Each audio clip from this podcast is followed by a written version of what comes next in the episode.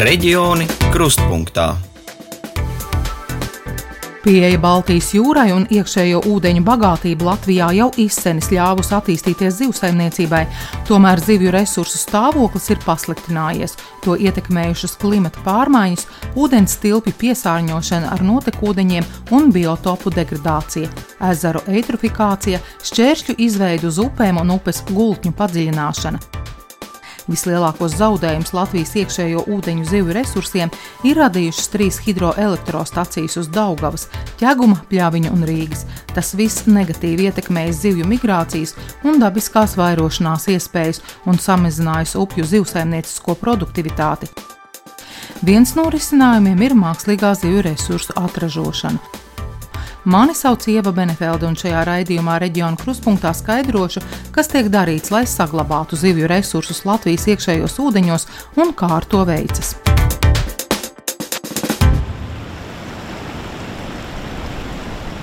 Pēntas rumba ir platākais ūdenskritums Eiropā, bet cilvēks uz šejienes doties atkal un atkal vilina maģiskais skats pavasarī. Lai tiktu uz labākām nārcošanas vietām, bimbām rumba ir šķērslis, un tās cenšas to pārvarēt lecot. Vimbas ir arī tās zivis, kuras pavasarī visbiežāk makšķerniekiem nonāk lomā no vēntas. Ar tām zivīm ir tā, ka es normu salasīju. Pēc skaita arī var paskatīties. Oh, Šāds te jā.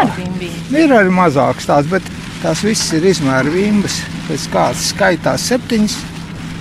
Ja, tā kā viss forši. Arī kādā māja darba dienas pusdienas laikā atļautajā makšķerēšanas vietā netālu no senā vēlvju tilta kuldīgā sastopu pāris makšķernieku - kuldīdznieku Kārli un tukumnieku Andreju. Sudrabājas skaists rīt nokūpināšu. Ko mēs, mēs darām? Mēs viens variants grillējam te. Man personīgi kūpināts vairāk patīk pats kūpinam. Bez tam jau arī cep un bez tam arī marinē viņus. Teiksim, no rīta atnāk stāv desmitiem vīru, jā, un tad viens pie otra tur ir vagmeistarība. Es tur nemaz nelienu, es esmu pa glupu. Tieši tā, tās makšķerēšana. Laika nosišana, nu, pensionāram, ko es mājās ar, ar sievu kasīšos, nu, tas māks pastāv upmalā. Ar praktisku aci uz vimbām, kas savā nārsta ceļā lecot cenšas pārvarēt ventas rumbu, savulaik paskatījās hercogs Jēkabs, saglabājušies nostāsti, ka 1640. gadā viņš izgudrojis pirmo ierīci Eiropā zivju ķeršanai gaisā, katru dienu trīs reizes no murdiem, izņemot līdz pat simt zivīm.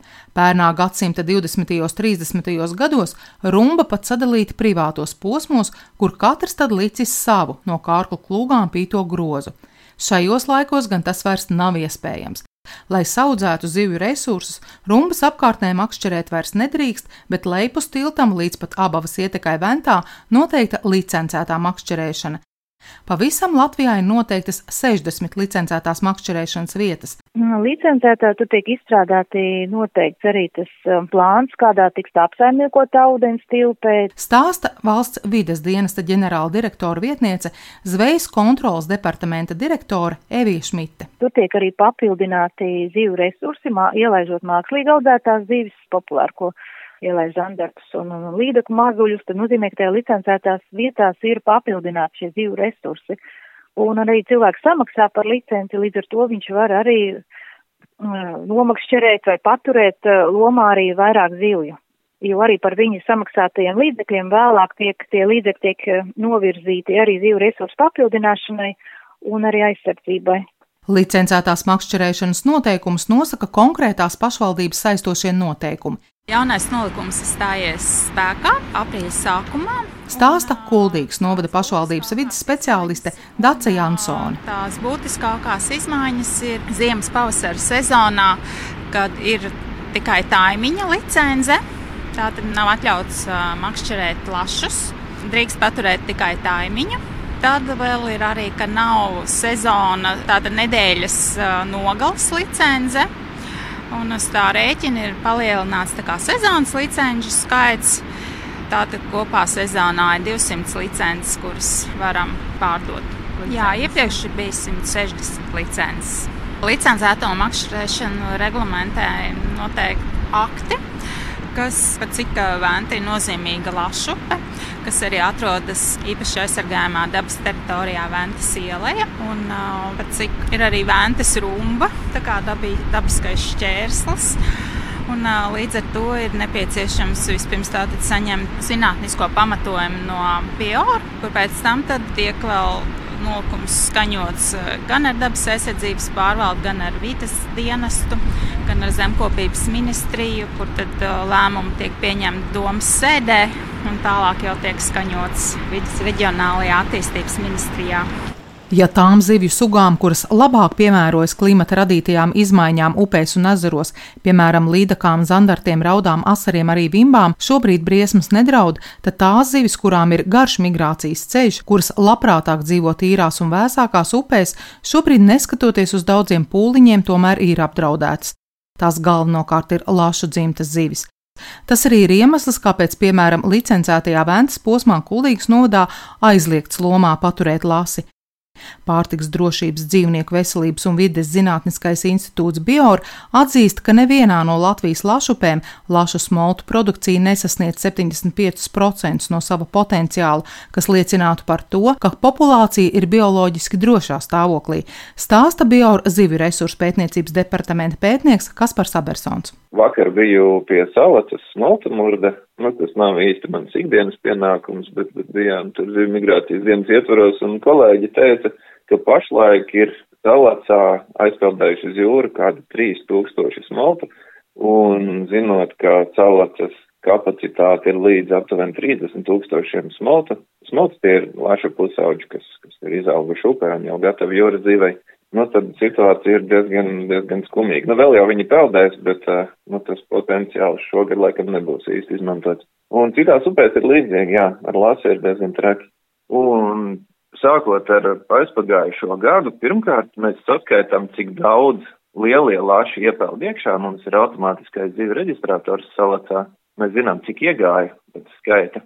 Tad, kad viņi ir nonārstojuši, nu, mani kolēģi brauc ar laivu un saskaita nārsta līdzdes, kur un cik, cik vietās vāši ir nārstojuši, un pēc tam vasarā skaita izšķīlušos mazuļus, un pēc tam vēl skaita tos smalks par laša stāvokli salicā, mēs tiešām zinām visu un perfekti.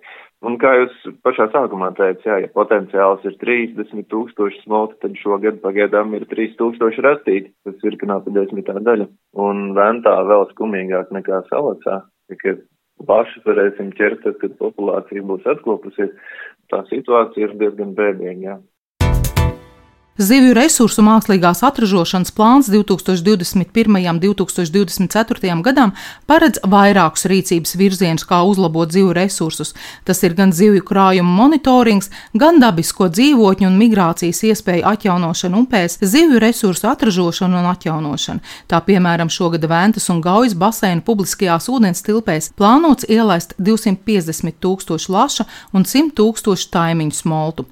Tikpat ielaists arī pērn. Vente ir jaukta tipa lašupe, tajā norisinās gan dabisks lašu nārsts, gan līdztekus krājums tiek papildināts mākslīgi. Neraugoties uz to, ventā lašu smoltu produkcija nav piedzīvojusi vērā ņemamu pieaugumu. Turklāt rezultāts nav devusi arī ventas posma pie rumbas un vecā velvi tilta rekultivācija, jeb strauteču tīrīšana. Ja pēc 2011. gada veiktās rekultivācijas bija vērojama lašu mazuļu skaita palielināšanās, tad vēlāk tas atkal samazinājies un rezultāts Rezultātus nedeva arī dzīvokļu rekultivācija 2015. un 2016. gadā. Mēs tagad domājam, kāpēc tā. Skaidro Bioru zivju resursu pētniecības departamenta pētnieks Kaspars Abersons. Viena no versijām, ka pēc tam, kad sākās atkārtot aizaugšana, pastiprināti izskalojās no tām nārstu vietām oļi un, un, un grāns, un tur sāka. Jo, jo nu, kuldīgā, es arī esmu dzimis kuldīznieks, kuldīgā ventas gultnī diezgan daudz veido dolomītas, plienas tā sauktais plieņakmens. Un tur pa virsmu ir grāns un oļi, un ja to grāntu un oļus aizskalo prom, nu, tad, tad paliek pliks pliņakmens, kas nu vairs nārstam nederēs lasim. Nu, tas arī varētu būt viens no iemesliem. Nu, visdrīzāk trīs iemeslu kombinācija - aizaugšana, un, un, un klimata pārmaiņas. Un mēs, nu jā, mēs ļoti negribam, lai tur pa virsmu būtu arī palielināts makšķernieku spiediens. Nu, jo tāpat jau ir grūti tai laišu populācijai, tad, tad vēl salaist makšķernieks pa virsmu būtu būt pavisam bēdīgi. Kaspars Abersons atzīst, ka šobrīd grūti klājas arī upes nēģiem. Pēc zivju resursu mākslīgās atražošanas plāna šogad upes plānots papildināt ar septiņiem miljoniem nēģu kāpuru, tikpat bijis arī pērn. Tā ir viena no sugām, kam mazie hesi nepatīk visvairāk, jo tad, kad mazais hesis vārsta līmeni, tad tās zivis, kas, kas peld, kā ūdens, ūdens masā, ja tā var teikt, viņas, viņas tomēr var pārvietoties no vienas vietas uz otru daudz vieglāk. Viņām tas arī rada stresu un nepatikšanas, bet viņām tas ir vienkāršāk ar to tik galā. Savukārt nēģi kāpurs ir ieracies gruntī, bieži vien krasta tūmā, un, un viņam regulāri sanāk palikt sausumā, un tad, nu, driez vai viņš tur dabūna galu, bet es nedomāju, ka viņš ilgi dzīvos tādā vietā, kur viņš regulāri ir savs labs, savs labs, un, un, un tas viņam arī rada pamatīgu stresu, un tad viņš migrē prom, un migrējot, un kāds ir apēst, un tas noteikti nēģis ietekmē nelabvēlīgi. Un arī tās tie paši migrācijas šķēršļi, un no migrācijas šķēršļiem, nu, vēntas rumba ir, ir nozīmīgākais, jā. Mēs tā kā eksperimentālā kārtā pirkām kuldīgā no zvejniekiem nēģis, nu, viņi nozvejot tos un laidām pāri, nu, pārvedām pāri rumbai un izlaidām ārā. Un paralēli skatījāmies, kā mainās kāpura daudzenes virs rumbas vairākās vietās, un sanāca tā, ka matemātiski ticami palielinājās kāpura daudzums virs rumbas, nu, līdz ar ko mēs secinām, ka tā ir, tā ir laba metode rumbas ietekmes samazināšanai. Lai palīdzētu sargāt zivju resursus, ir izveidots arī zivju fonds. Kuldīgas novadā atzīst, ka no tā regulāri tiek piesaistīti līdzekļi, lai iegādātos nepieciešamās lietas, kas palīdz cīņā ar malu zvejniecību un noteikumu uzraudzību licencētās makšķerēšanas vai makšķerēšanas lieguma zonās, stāsta Kuldīgas novada pašvaldības policijas priekšnieks Kaspars Šabāns. Nu, pašas galvenās, ko es domāju, kas mums Kuldīgas novadā ir izdevies no zivju fonda um, protams, ar pašvaldības līdzfinansējumu dabūt tās ir termostacionārās novērošanas kameras, divas. Viena ir uzstādīta uz uh, glābšanas staciju kuldīgā pie rumbas, tātad mēs redzam rumbu 24 stundas diennaktī. Un otrā kamera arī tā mums ir uzstādīta aiz vecā tilta, un tā gan ir abas divas, gan ir um, teiksim, tā licencētā posmā, kas ir kuldīgas novadā, no, novērošana tepat pie paša kuldīgas, ka mēs redzam, kur pavasarī ļoti daudz viņas makšķenē un arī ir nēģu mārsti, un tad, nu, tās ir tās divas vietas, kur mēs redzējām, kur ir nepieciešams šīs kameras. Ir jau vēl, piemēram, laivas. Ar valsts vidas dienas kuldīgām mums ir ļoti laba sadarbība. Mēs, tad mēs pat vienojāmies, braucam ar vienu kvadrociklu pa vienu krastu, tad braucam ar valsts vidas dienas laivu, vai tā ir arī Kuldīgas pašvaldības policija laiva, nu mēs tur tā miksējam vienreiz ar vienu laivu, otrreiz ar otru. Valsts vidas dienesta atzīst, ka makšķerēšanas noteikumu pārkāpumu skaits un zivju resursiem nodarītā kaitējuma apjomam ir tendence samazināties. Gadā Latvijā tiek izdarīti no 800-900 zvejas un makšķerēšanas pārkāpumu iekšējos ūdeņos. Stāsta valsts vidas dienesta ģenerāla direktora vietniece Zvejas kontrolas departamenta direktore Evija Šmite. Un, ja mēs skatāmies atpakaļ pirms pieciem gadiem, tas bija vairāk par tūkstots, tā kā, ja mēs varam no tā secināt, ka samazinās, bet galvenokārt, kas samazinās vairāk ir noteikti ir nelikumīgo zvejas rīku, licēju skaits vai ne, izņemtie nelikumīgie zvejas rīki. Ja mēs skatāmies tālākā pagātnē 15 gadus atpakaļ, tad šis daudzums samazinājies pat sešas reizes, jo Attiecībā uz makšķerniekiem un uz makšķerēšanas pārkāpumu skaitu šis samazinājums ir mazāk novērojams, jo arī tas, ko manis minētais no tiem lielākiem, no 800-900 tiem pārkāpumiem gadā, ir 88% tur ir makšķerēšanas pārkāpumi izdarīti. Domāju, ka sabiedrība arī ir kļuvusi zinošāka un arī interesējās arī par noteikumiem un arī mums bieži konsultējās un jautā, ievērojami uzlabojies arī zvejas inspektora arī tehniskā kapacitāte. Bioru zivju resursu pētniecības departamenta pētnieks Kaspars Abersons min arī citas iespējas, kā uzlabot apdraudētāko zivju sugu nosargāšanu ne tikai ar to mākslīgo pavairošanu, strauteču tīrīšanu un mākslīgo nārsta vietu ierīkošanu. Lietuvieši varbūt mazāk, bet igauņi pilnīgi noteikti daudz mērķtiecīgāk ar to cīnās, jo īpaši ar migrācijas šķēršļu ietekmi.